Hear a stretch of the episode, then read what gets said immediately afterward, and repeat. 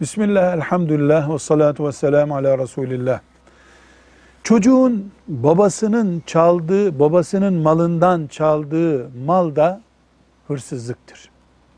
Belki dinin, şeriatın hırsıza verdiği ceza onun için uygulanmayabilir. Ama baba malını çalan da hırsızdır.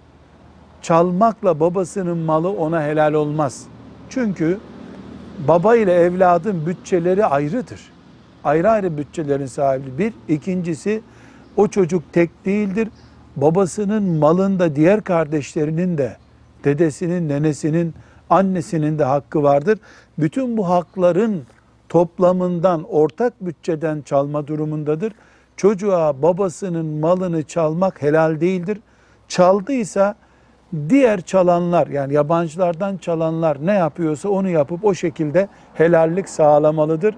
Ahirete gidildiğinde yabancıdan çalan da hırsız muamelesi görecek haram yemiş olduğu için babasından çalan da hırsız muamelesi görecektir. Dünyadaki ceza farklı olsa da ahirette muamele hırsız muamelesidir. Velhamdülillahi Rabbil Alemin.